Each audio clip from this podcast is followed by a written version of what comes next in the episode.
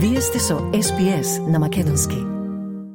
Во денешниот билтен, десетици ученици и еден возач се итно пренесени во болница по голема сообраќајна несреќа во близина на Мелбурн. Македонското Министерство за одбрана ќе поведе интерна истрага за тоа кој ги објавил документите според кои премиерот е прогласен за цитат трајно неспособен да биде воено мобилизиран за време на воениот конфликт во 2001 и генералниот секретар на Обединетите нации предупредува дека светот е во опасност. На СПС на Македонски следуваат вести за 21 септември 2022 година. Јас сум Ана Коталеска.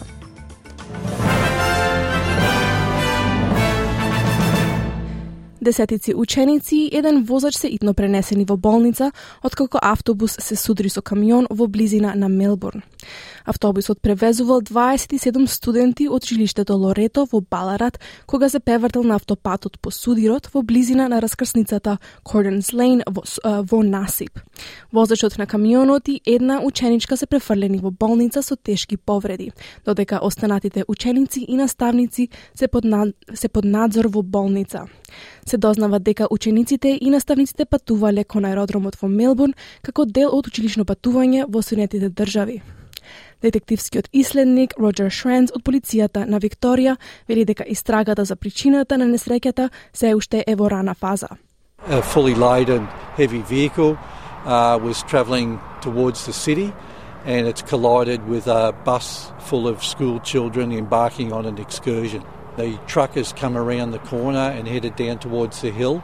Um, and it's seen the speed reduction and the banked up traffic and collided with the bus forcing the bus off the off the left hand side of the freeway down into the uh, down the cliff. Министерката за надворешни работи Пени Вонг се состана со низиниот украински колега Димитро Кулеба на маргините на Генералното собрание на Обединетите нации во Нью Йорк.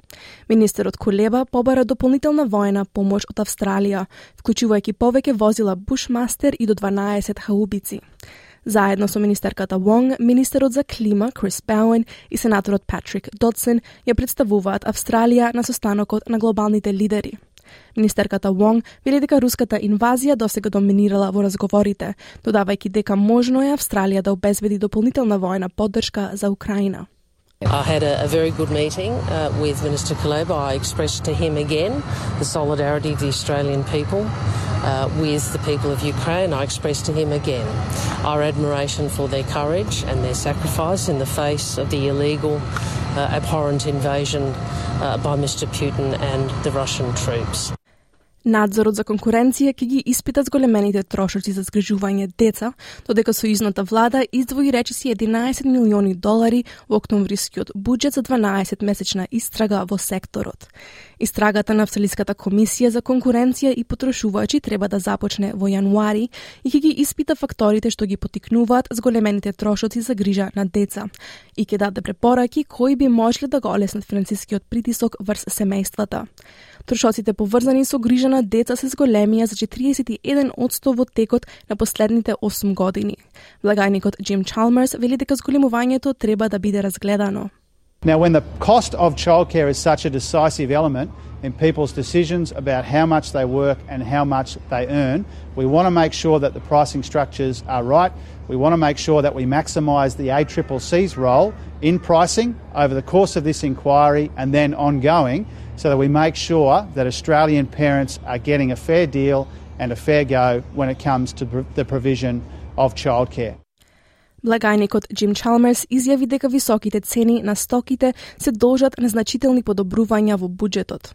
Тоа доаѓа додека господин Чалмерс објави пораст од 50 милијарди долари во вчерашните проценки за 2021-2022 година, но советуваше дека зголемувањето се заснова на привремени фактори.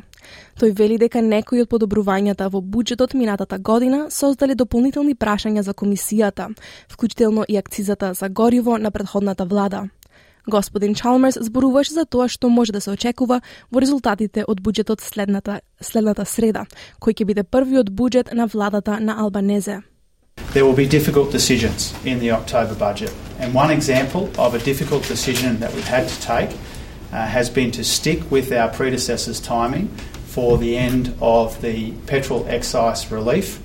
Uh, we're under no illusions uh, that this will be difficult for people. It's a difficult decision for us to take as well. Uh, but we put a premium on responsible budget management. Премиерот Антони Албанезе и генералниот гувернер Дейвид Херли треба да пристигнат во Австралија денеска пред националниот ден на жалост утре во чест на кралицата Елизабета II. Националната комеморација во чест на кралицата ќе се одржи во парламентот во Канбера, а ќе биде емитувана во живо од 11 часот. Еднократниот државен празник значи дека парламентот нема да заседава, но некои политичари се загрижени дека поради празникот ќе бидат одложени важните дебати. Независниот сенатор Дейвид Покок изјави за ABC дека владата треба да додаде уште еден ден за седницата следната недела, бидејќи низ парламентот треба да поминат клучни закони, како што се правата на териториите и комисијата за интегритет. There's a huge amount of legislation coming up and some, some really important stuff. Ensuring that aged care centres have uh, registered nurses 24 7. We heard about the Integrity Commission that's a really important one. There's an, there's an EV bill, the repeal of the cashless debit card. And as a Canberran, territory rights is obviously something that I'm really keen to see debated and brought to a vote. That's a lot of legislation, and if you look at the, the sitting calendar, there's not a lot of time left. Но Фижен Велс и Квинсленд се најновите држави кои ги укинаа правилата за маски во јавниот превоз, а патниците не мораат да носат маски од денеска. Премиерот на Нов Фижен Велс, Доминик Перетей, вели дека тоа е пристап заснован на здрав разум, но ги советува луѓето да носат маски во места каде што има ранливи луѓе. Викторија останува единствената држава што не ги укина правилата за маски во јавниот превоз. Министерството за одбрана на Македонија објави дека ќе поведе интерна истрага за тоа кој ги објавил документите на социјалните мрежи според кои премиерот Димитар Ковачевски е прогласен за цитат трајно неспособен да биде воено мобилизиран за време на воениот конфликт во 2001 година. Според Министерството се работи за цитат строго доверлив документ кој протекол од архивите. Членовите на опозицијата продолжија со како што велат аферата околу неслужењето воен рок на премиерот. Драган Ковачки, пратеник од ВМРО ДПМН, на пресконференција изјави дека освен што Ковачевски е дезертер, тој е и лажго. Вчера и дезертерот Ковачевски призна дека тој бил трајно неспособен поради медицински операции. Тој кажа, цитирам, Никогаш не сум избегнувал, ниту бегал од одговорноста за служење на воениот рок. Се злоупотребува последователна хируршка интервенција од пред 20 години. Но пред само 6 месеци, на прашањето дали служел воен рок, тој кажа дека не служел, затоа што бил на студии. Во сообштение, СДСМ го обвинува лидерот на ВМРО ДПМН, Христијан Мицкоски, дека го одбрал претеникот Ковачки за пласирање на невистини и манипулации, бидејќи всушност тој е единствениот воен дезертер на политичката сцена. Од СДСМ велат дека Ковачки бил полковник во армијата на Република Македонија, но политички дезертирал и ја напуштил армијата за да му слугува на Мицкоски како пратеник. Генералното собрание на Обединетите нации започна во Нью Йорк со предупредување од генералниот секретар Антонио Гутереш дека светот е во опасност. По прекини во текот на последните две години поврзани со пандемијата, странските државници се вратија во Нью Йорк за да се сретнат лично за годишниот состанок. Додека руската инвазија на Украина се очекува да доминира на повеќето разговори, господинот Гутереш вели дека лидерите не постигнуваат доволно напредок за други прашања, како што се климатските промени и несигурноста на храната. Тој истакна дека соработката и диалогот се единствениот пат напред. The United Nations Charter and the ideals it represents are in jeopardy. We have a duty to act, and yet we are gridlocked in colossal global dysfunction the international community is not ready or willing to tackle the big, dramatic challenges of our age. This crisis threatens the very future of humanity and the fate of our planet. Progress on these issues and more is being held hostage by geopolitical tensions. Министерката за надворешни работи на Австралија Пени Вонг ќе се обрати на Генералното собрание подоцна оваа недела. Соединетите Американски држави ги критикува плановите на Москва да се одржи референдум во четирите сепаратистички региони во Украина поддржани од Русија. Гласањето ќе се одржи во регионите Лугански и Керсон, како и Запорожје и Донец кои се делумно под руска контрола. Советникот за национална безбедност на САД, Джейк Салавен, вели дека овој потек е навреда за суверенитетот на Украина и доаѓа во време кога Украина успешно ги враќа руските трупи. Тој додава дека Соединетите држави никогаш нема да ги признаат руските претензии за наводно анкетираните делови на Украина.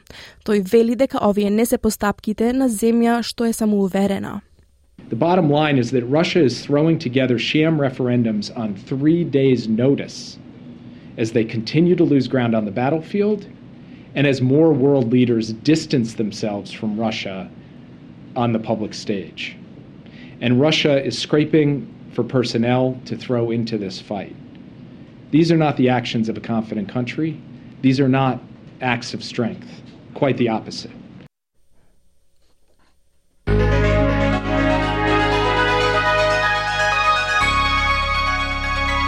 Од најновата курсна листа денеска еден австралиски долар се менува за 0,67 евра, 0,67 американски долари и 40,96 македонски денари, додека еден американски долар се менува за 61,11 македонски денари и 1 евро за 61,11 македонски денари. И на кратко временската прогноза за главните градови за утре, четврток 22 септември. Делумно облачно во Перт 19 степени, идентично и во Аделаид делумно облачно со 19. Претежно сончево за Мелбурн 20 степени, претежно сончево наутро и потоа делумно облачно за Хобарт 21 степен, слаби повремени врнежи во Канбера 17, 20 во Сиднеј врнежливо, краткотрајни слаби врнежи за Брисбен 24 степени, за Дарвин сончево 35 и во Алис Спрингс сончево 33 степени.